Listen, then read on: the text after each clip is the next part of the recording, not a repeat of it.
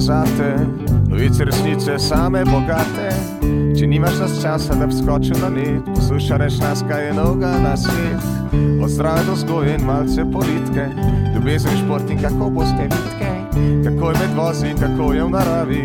Povejo nam skavti v prvi postavi, da boste vrednota, ne treba je živeti. Tebi in drugim bo lepši ta svet, zajemi srce z najboljšega vira, naša frekvenca je prava izbira. Ladoskop. Ladoskop. Ladoskop. Ladoskop. Prijazen pozdrav in dober večer. Tri dame se bomo tokrat pogovarjale v mladoskopu. Z nami Bernarda Grašič in Daša Štalc. Dobro večer, dami. Dobro večer. Glas mladih sta nocoj, spomnile bomo znova na več projektov v sklopu Caritas. V adventnem času, ko se bližajo bolj kot ne praznični decembrski dnevi, začutili ste pri Caritas različne potrebe tistih, ki so sami, ki so osamljeni, ki si želijo sorodnih duš pa jih nimajo. No, in vi imate več projektov, kjer se lahko ljudem približamo. Miklauževi angelčki, pismo za lepši dan, povezani prek telefona. Ob še več, ki jih sicer imate, ampak te tri izpostavljamo zdaj najbolj bomo kar povabili k poslušanju sobotne vdaje, ki jo pripravlja kolega Jure za najmlajše poslušalce in pa sodelavka Maja v sklopu vaše sicer redne vdaje v sodelovanju z vami. So vendarle potrebe večje, kot jih mi uspemo naglasiti, mogoče najprej to izhodišče. Kako živimo ljudje, koliko je usamljenosti med nami? Um, ja, opažamo, da še veliko, veliko starejših ima svojce, mogoče uh, v tujini, oziroma na drugem koncu Slovenije, ali pa svojcev nima več se do, včasih občuti, počutijo malo osamljeno oziroma izolirano od druge populacije. Zato pač imamo akcijo Pismo za lepši dan, da bi tudi te starejše spomnili, da tudi nekdo drug misli na njih. Pisma pa tudi prejemajo različne domovi za starejše, tudi v domovih, nekateri pač imajo redne obiske, spet drugi imajo zelo redko obiske svojih svojcev oziroma prijateljev sorodnikov. Tako da pač meni se osebno zdi, da je potreba velika, še posebej pri starejših. Mnogi usamljenost ali samoto z veliko začetnico, ki je lahko zelo težak križ, nosijo sami. Zdaj, če bi iskreno pogledali vase, težko poiščemo nekoga, pa ga povabimo v svoj svet. Morda, Bernarda, tvoje izkušnje. Včasih je pomoč lažje dati, kot jo sprejeti. Jaz mislim, da to odločitev drugače niti ni tako težko sprejeti, ker še vse na koncu si tudi sam osebno zadovoljen, ker narediš nekaj dobrega. Čeprav res ne vemo, ne, kdo bo prejel naše darilo, oziroma kdo bo prejel naše pismo, se mi zdi, da že sama misel na to, da se je pa nekdo nasmejal na račun naše pripravljene malenkosti, mislim, da lahko olajša uh, situacijo, oziroma uh, situacijo pri izbiri tega, ali bom sploh sodeloval ali ne. Spominjam se lansko leto obiska enega od domov za starejše in tam več katelj pisem. Vsako od teh pisem je potem poromalo k dotični osebi, in kar sozni so bili ljudje v tem domu, ker so vedeli, kaj bodo čutili tisti, ki bodo ta pisma prebirali. Skratka, odziv je bil neverjeten. Kaj pa letos, že lahko kaj govorite? Uh, ja, letos imamo prijavljenih 36 domov za starejše, trenutno, tudi s posameznimi uh, starejši, pa imamo prijavljenih več kot 4000 starostnikov. Ni še tako velika številka, kot je bila lansko leto, ampak še vedno sprejemamo prijave za starejše do 1. decembra. Kaj to pomeni, da se preprosto odločim in pismo napišem? Toliko pa že vem, verjetno, ali je to moški, ženska oziroma gospa, gospod, koliko vem. Piscem ne moremo povedati, kdo točno bo prejel pismo, zato ko pač se prijavijo, dobijo navodila in mi jih spodbudimo, da napišejo spoštovana gospa oziroma gospod, spoštovana mhm. bralka. Sicer, če napišejo gos, spoštovana gospa, pač ne bo gospod dobil, ne? je pa super, če napišejo kot eh, br bralec oziroma bralka, da pišejo za oboje ali pa da vikajo, še posebej fajn, če vikajo osebo, da je tak nek spoštljiv, topov odnos, da vzpostavijo. V sklopu navodil je tudi tematika, o čem pisati, da nam je nekoliko lažje.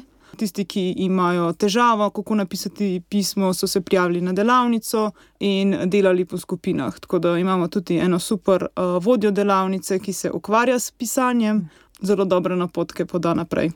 Mladoskop. Kaj ne, Bernarda, bile smo nekoliko v zadregi, kako odpreti to tematiko o osamljenosti. Če ima človek dober namen in če že ima neko podlago in akcijo, ki lepo teče, koliko dobrega doprinesete, koliko eh, duš ste nagovorili na ta način. A stvari rastajo, se razvijajo. Stvari vsako leto rastejo, imamo vsako leto več prostovoljcev, ki se pač udeležijo oziroma pripravijo darilce ali pa se udeležijo pisanja pisem. Vendar je pa tudi potreba na drugi strani vsako leto večja. Vsako leto je večja potreba pri podarilih, pri otrocih oziroma pri njihovih družinah, ker se tega ne morejo privoščiti. In tudi na drugi strani je vsako leto več osamljenosti, starejši jih je vedno več, populacija ljudi, starejših ljudi no, je vedno višja, zato je tudi potreba po veliko, velikem številu prostovoljcev uh, res nujna. Tako da si tudi mi v bistvu želimo imeti vsako leto več in prostovoljcev, da, da bi lahko dosegli na drugi strani več ljudi. Zakaj je osamljenost ena takšna tiha bolezen sodobne družbe? Kako je, ko je človek srečen, zadovoljen, razumeti tistega, ki pa vsega tega nima? Jaz mislim, da je um, v resnici se zelo težko uživati v nekoga drugega oziroma v njegovo samoto, sploh v tem hitrem svetu, ko se včasih tudi mi sami niti ne uspemo ustaviti in pomisliti na nekoga drugega. Pa tudi tale svet tehnologije trenutno nam, omogo mislim, nam onemogoča stik z drugim. Imamo sicer stik, ampak je res digitalen in zaslonski, in se mi zdi, da pozabljamo na ta pristen stik z osebo na štiri oči, tako s svojimi prijatelji, kot pa tudi starejšimi oziroma osamljenimi ljudmi, ki pa tudi res nimajo več svojcev, nimajo več prijateljev, živih in tako. tako da mislim, da ta empatija bi bila zelo potrebna in bi jo mogli spodbujati tudi pri mladih že, ampak jo je pa težko. Kakšen premik vendarle vi delate? Zakaj ste vi dve drugačni? No? Da vprašam tako. Kaj se je vam zgodilo, da ste takšni? Sej vas je vse več, pravite, ne vse več ljudi se odzove, se jim zdijo to lepe akcije, ali biti del Miklauževih angelčkov, ali spisati pismo nekomu za lepši dan, poklicati nekoga po telefonu, biti z njim v tej redni navezi. Eh, slišali smo že, kako lepa prijateljstva so to tudi, kako komaj čakajo, da se slišijo. Mi je starejša gospa pripovedovala, koliko je pomeni klic mladega dekleta. Sprva so bili strahovi, v čem se bova pa pogovarjali, živiva povsem drugačna svetova, ampak zdaj komaj čakata in sta izredno lepo prijateljstvo skali prek telefona. Torej, vse več vas je, ki počnete to in se medgeneracijsko povezujete, ampak želimo si pa, da bi bili v tej naši družbi v večini tako empatični, kako privabljate. Ja, mogoče za prostovoljstvo je pač to je za nekoga, ki ni bil še nikoli prostovoljec. To je mogoče prvi korak, težek korak, ker je izven tvoje cone obdobja. Vem, kako težko je narediti ta prvi korak. Tudi jaz sem potrebovala kar veliko časa da, za svojo prvo prostovoljsko izkušnjo, da so me moja prijateljica da me prepričala, da mi bo zelo všeč. In uh, mogoče se kdo boji pač izstopiti iz svoje cone obdobja, ki je pač um, mogoče napisati pismo, ki ne veš, kdo ga bo prijel, kdo ga bo prebral. Mogoče nekomu se to zdi zelo težko. Je pa res, da če stopiš iz cone obdobja, ponavadi se naredijo samo lepe stvari, nikoli slabe. Mladoskop. In si odgovorila tudi na prvo vprašanje, kaj se je vama zgodilo. torej, povabilo prijateljice, ki se je zavedala, da bo s tem obogatila tudi tvoje življenje. Če boš pristopila in pa zaupanje v prijateljstvu, je res obrodilo sad. Tako je. Jaz mislim, da je v resnici najpomembnejši glih ta oseben pristop oziroma oseben nagovor, glih tako kot je Daša omenila, ker mi lahko vabimo prek vseh naših kanalov, kjer dostopamo do ljudi in tako, ampak dokler te nekdo osebno ne nagovori in ti osebno pove, kaj vse je on doživel kot prostovoljec, oziroma kaj vse lepega se mu je zgodilo v tem času, potem se je res težko odločiti. Tako da tudi mi, v bistvu pri Ankaritas, res ciljamo na ta osebni nagovor in tudi sami vabimo naprej, in drugi potem širijo glas. Bernarda pri Daši je bila prijateljica tista, kaj po tvojem primeru? V mojem primeru pa mislim, da je bila sestra, ki je glih malo starejša, pa je že sodelovala kot prostovoljka, pa sem se potem tudi jaz pridružila. Obe dve ste verjetno del ekipe Miklauževih angelčkov, ali so tudi tile modri puloverji prepoznavni znak na ključi ali ima vendarle kakšno zgodbo tudi ta vajna izbira oblečil? Ja, modri puloverji so kot prepoznavni znak Jan Caritas, ki pač ima tudi srček, v katerem podobno pač kot eh, pri slovenski Caritas, da tli ogen. Imamo potem tudi na rokavu, nama piše, uh, širi ljubezen, kamorkoli greš ki je bil tudi um, vers, ki je bil rdeča nit našega nacionalnega srečanja v oktobru. Tako da tudi pač od prostovoljcev ponavadi širijo ljubezen, kamorkoli grejo. Koliko pisem ste vi dve že napisali in o čem pišete?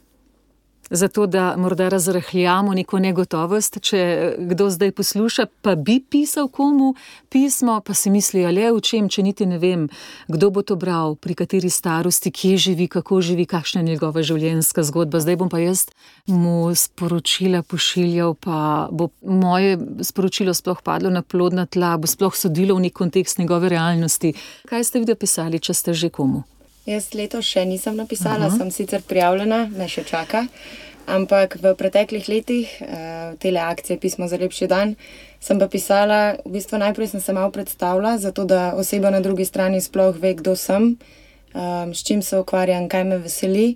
Se mi zdi, da je to ena taka lepa stvar, da lahko drugi, ki bo to pismo prebral, si sploh malo predstavljal, kdo mu to piše. Uh, Potem v srednjega dela se ne spomnim čisto, vem pa, da sem na koncu, ker je to ravno pred božičnim časom, um, napisala tudi neko voščilo, kaj želim tej osebi v tem božičnem času in potem v novem letu. Um, kot nek lep osebni nagovor. No, uh mhm. -huh. na pa je morda pripisan tudi uh, tvoj naslov, da lahko prejemnik odgovori pripisala sem ga, vendar nisem uh mhm. -huh. dobila nazaj odgovora. Je to zgolj potem stvar odločitve tistega, Tako. ki pismo prejme? Tako je, to je mhm. stvar odločitve. Kdor se od, odzove na to, se potem tudi sem že slišala, da si dopisujejo, tudi če še vedno. No. Ja. Lepo, če se potem res širi. Ustavimo se pri tem sloganu: širi ljubezen, kamorkoli greš. Iskreno povedati, je to težko ker vsa mogoča čustva eh, gredo tudi skozi vaju. Eh, vsi smo samo ljudje, eh, vsak dan skoraj da ponudi možnosti za paleto odzivov. Večno človek ne more biti nasmejan, včasih je že kakšen pogled nekoga ne pravi, pa te nekoliko zamori, pa se začne spraševati, kaj sem storil narobe, kaj ni dobro.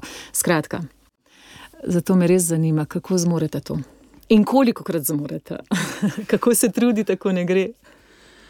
Ja, vsak dan uh, ni lahek dan, pač mogoče imaš svoje težave, uh, ki jih nočeš pokazati svojim drugim, pač še vedno si moš uh, biti tam za prostovoljce, ampak se mi zdi, da še vedno je to možno, da pač širiš ljubezen, tudi če pač so za te mogoče težki časi, uh, dobiš potem na koncu povrnjeno in ti mogoče daje uh, motivacijo za naprej. Saj tudi drugi vidijo, da pač um, to toploto, ki jo izžarevaš, dobiš nazaj. Kako jo negovati in ohranjati, kje je vir? Jaz priznam, da tega ne zmorem vsak dan. Um, sem v bistvu se to lažim trenutno, da sem le človek in da je to človeško, da tega ne zmoreš. Uh, se mi pa zdi, da je vredno se truditi za to, da kamorkoli prideš daš košček sebe, um, daš košček ljubezni, zato ker tudi drugi na drugi strani ne vemo, s kakšnimi zgodbami prihajajo. Tako da jaz v ozadju probam res imeti v mislih, da je na drugi strani oseba, ki ne poznam njegovega oziroma njenega ozadja. Tako da se trudim biti prijazna do te osebe, kljub temu, da mogoče tudi jaz tisti dan nisem ravno najboljše volje. Mladoskop.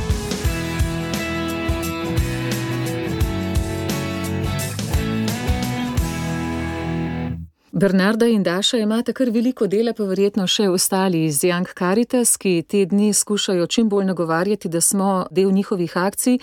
Miklauževi angelčki, pismo za lepši dan, povezani prek telefona, potem je zelo živa tudi vaša učna pomoč, da bi znali prepoznati, videti in kako včasih majhni koraki pripomorejo k velikim spremembam. Dvigneš telefon, pokličeš nekoga ali napišeš kakšno lepo, prijazno pismo in tudi ko smo Miklauževi angelčki, tu pa že zdaj morda lahko prinesemo kakšno malenkost kam in potem to zavijemo, darila potem nekdo prejme. Mogoče še o tem nekaj besed? Ja, v bistvu tele Miklauževe angelčke je najprej se res potrebno prijaviti, prijavnico najdemo na naši spletni strani, potem pa zavijemo škatlo za čevlje, ki je ne potrebujemo več v darilni papir, pokrov je potrebno uh, zaviti posebej, zato da se lahko škatlo odpre. In potem v škatlo damo neko družabno igro, neko didaktično igro ali pa mogoče celo knjigo, nekaj za posladkce. Na notranjo stran pokrova škatle lahko napišemo kakšno lepo misel za tega otroka, ki bo to darilo prejel ali pa mogoče voščilo, ker bo to tudi malce pred božičnimi prazniki. In potem na darilo, na škatlo, nalepimo še nalepko, za koga je to darilo namenjeno. To si izbereš že prej v prijavnici, ali boš pripravil splošno darilo, ali pa potem ne vem. Za fanta, četrti razred in se to napiše na škatlo, zato da tudi mi vemo, komu, za katero starostno skupino je to namenjeno. Vse, kar je pa dodatno, lahko tudi kakšno oblačilo, vendar je res potrebno, da je to nov kos oziroma da je oblačilo lepo ohranjeno.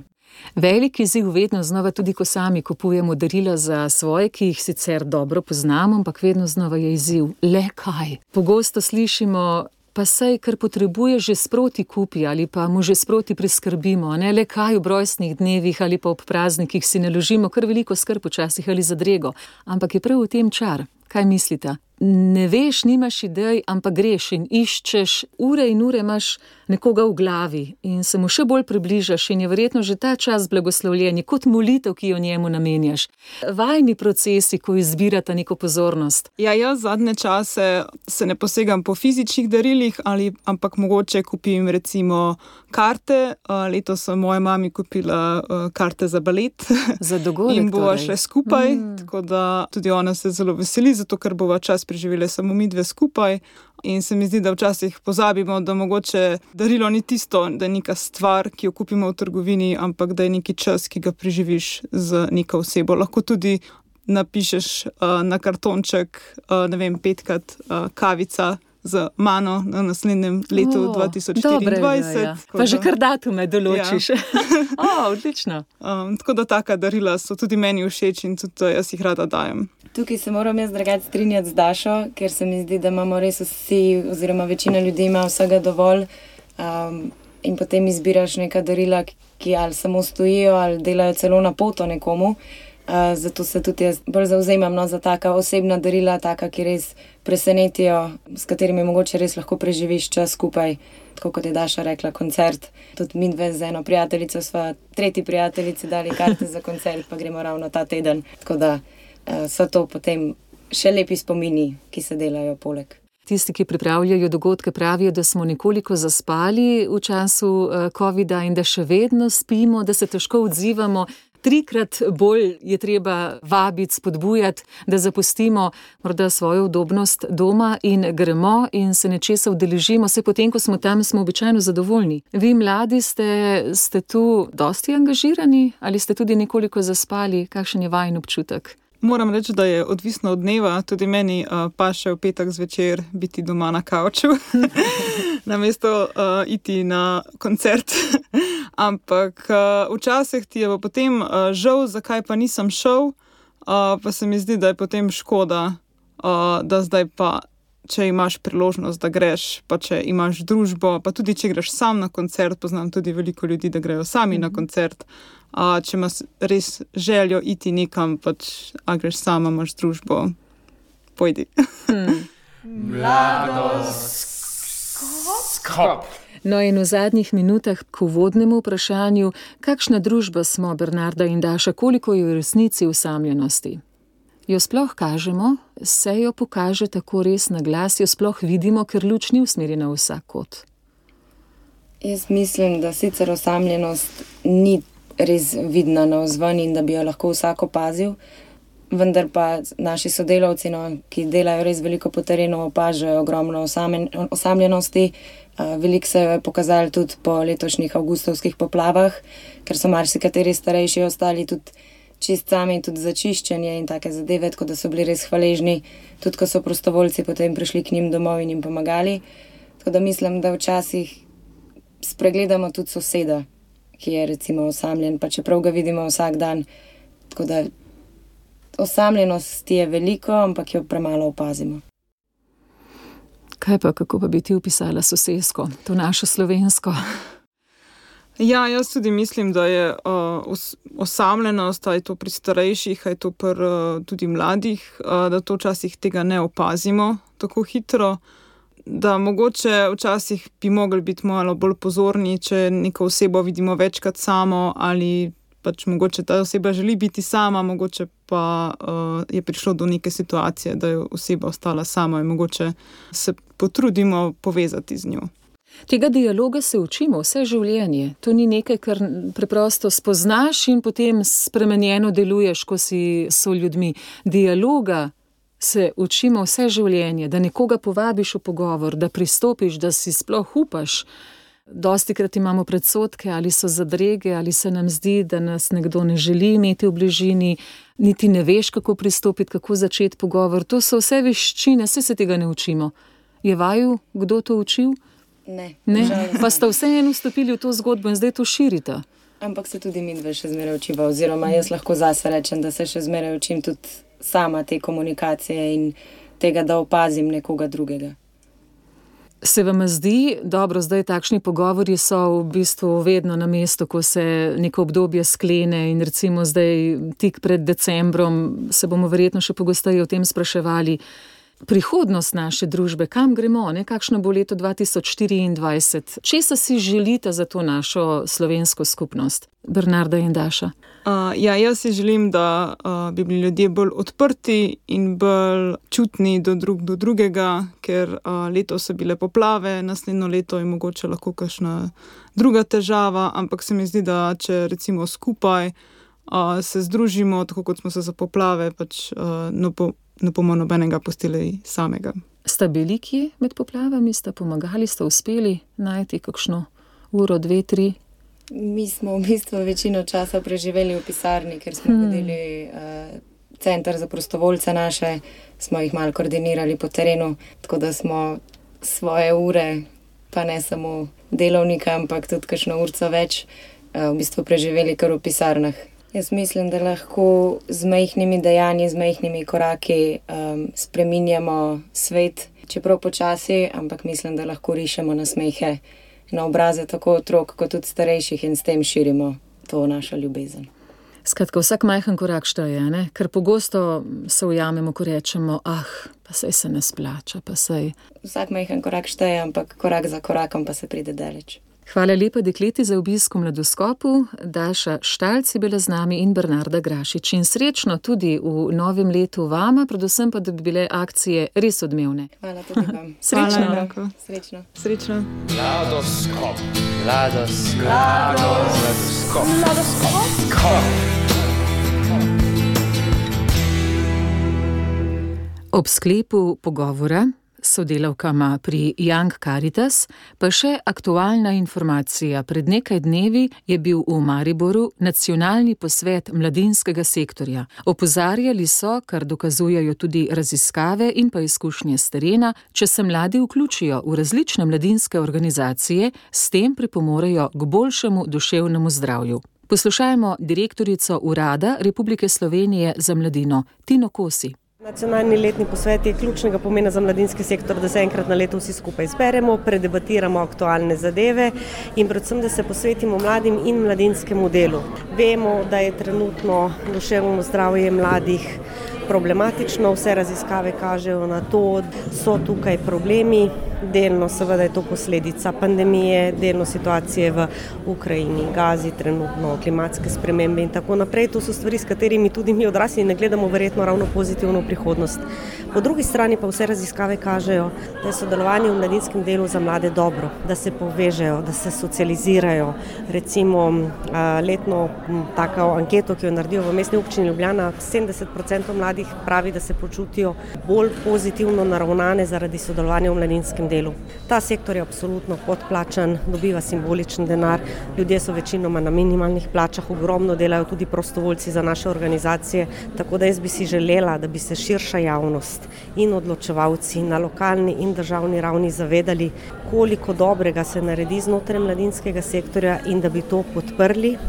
Da bi tudi mediji to podpirali pogosteje, zato ker si verjetno kot družba želimo mladih, odgovornih, aktivnih posameznikov, ki imajo razvite lastnosti, kot je empatija, zavezništvo, prostovoljstvo, tudi stvari, ki jih kasneje lahko mladi uporabijo pri svojem delu, organiziranost, način komunikacije, reševanje številnih problemov, so vse stvari, ki ti lahko prav pridejo tudi v kasnejši profesionalni poti in tukaj ni razdvajan po političnih strujah, tukaj ne sme biti ničesar drugega kot samo to, da s pozitivo se usmerimo v naše mlade za skupno boljšo prihodnost nas vseh in družbe v celoti.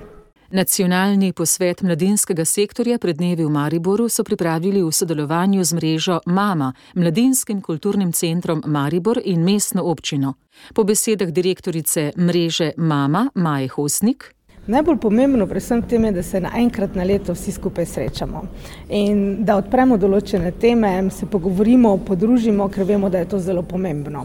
Še posebej v današnjih časih je pomembno graditi skupnost, da delujemo skupaj in da skupaj delamo v dobrobit in, pa, mm, in za mlade in pa predvsem mislimo pozitivno. Tako da mlade spodbujamo, mm, da se vključujejo. Danes smo pa tisti tukaj, ki delamo v neformalnem mladinskem sektorju z mladimi, jih motiviramo in opremljamo z dodatnimi dodatnimi znanji za življenje, tudi po šolanju in pa seveda tudi v odraslosti. Se bomo dotaknili teme kakovosti, vključevanja mladih, tudi kriznih situacij, katerim smo priča in kako se hitro odzvati, kajti mladinski sektor je skupaj z mladimi prostovoljci zelo vitalen sektor, ki dejansko se hitro odzove na spremembe. Poleg tega se bomo danes tudi še dotaknili mm, beleženja, spremljanja mladinskega dela, tako da bomo neko celoto naredili in sledili naslednjo leto tem ciljem za dobrobit mladih. S tem smo morda samo še dodatno spodbudili, da se mladi priključite akcijam v dobrobit sebe in družbi sploh. Izbira je pestra. Evropsko srečanje mladih v Ljubljani. TZ 2023. Dodajamo pa še povabila k tezejskim molitvam, ki bodo v naslednjih dneh. Ravno kar se odvija v župniji Ljubljana Bežigrad. Za naprej pa, jutri bo tezejska molitev ob 20. v Goriški katedrali, ob 18.30 bo v župniji Ljubljana Stožice, jutri ob 19. tudi v župniji Šmarca Duplica in v nedeljo 26. ob 19. v Vodicah. V ponedeljek 27. novembra bo tezajska molitev zvečer ob 19. pri evangeličanih na Gosposvetski v Ljubljani. Vse bližje smo zaključku prijav za mlade od drugot, trenutno imajo že več prijavljenih mladih kot na lanskem srečanju v Rostoku. Romarji, ki bodo novo leto dočakali v Ljubljani, živeli pri gostiteljih v Ljubljani in okolici, manjka samo še nekaj gostiteljev, da sprejme mlade romarje. Ne potrebujejo prav veliko, čez dan se mladi udeležujejo programa v Ljubljani, domov se vračajo šele proti večeru, no poleg tega jim ponudite le jutranji zajtrk in pa, da ste skupaj na kosilu 1. januarja, da se takrat poveselite novega leta. Dva kvadratna metra bosta dovolj, da lahko pogrnejo svojo spalko in podlogo. Toliko o pripravah na Evropsko srečanje mladih v organizaciji ali so organizaciji z brati iz Tezeja letos v Ljubljani. Hvala za pozornost, upam, da ste dobili kakšno zanimivo iskrico in povabilo, da boste s tem olepšali sebi sklepne novembrske dni, tudi kakšnega v decembru in predvsem, da boste tudi drugim pričarali svetle trenutke. Še naprej vam želim lep in miren večer, Nataša Ličen. Na dostna frekvenca. Radio ognišče.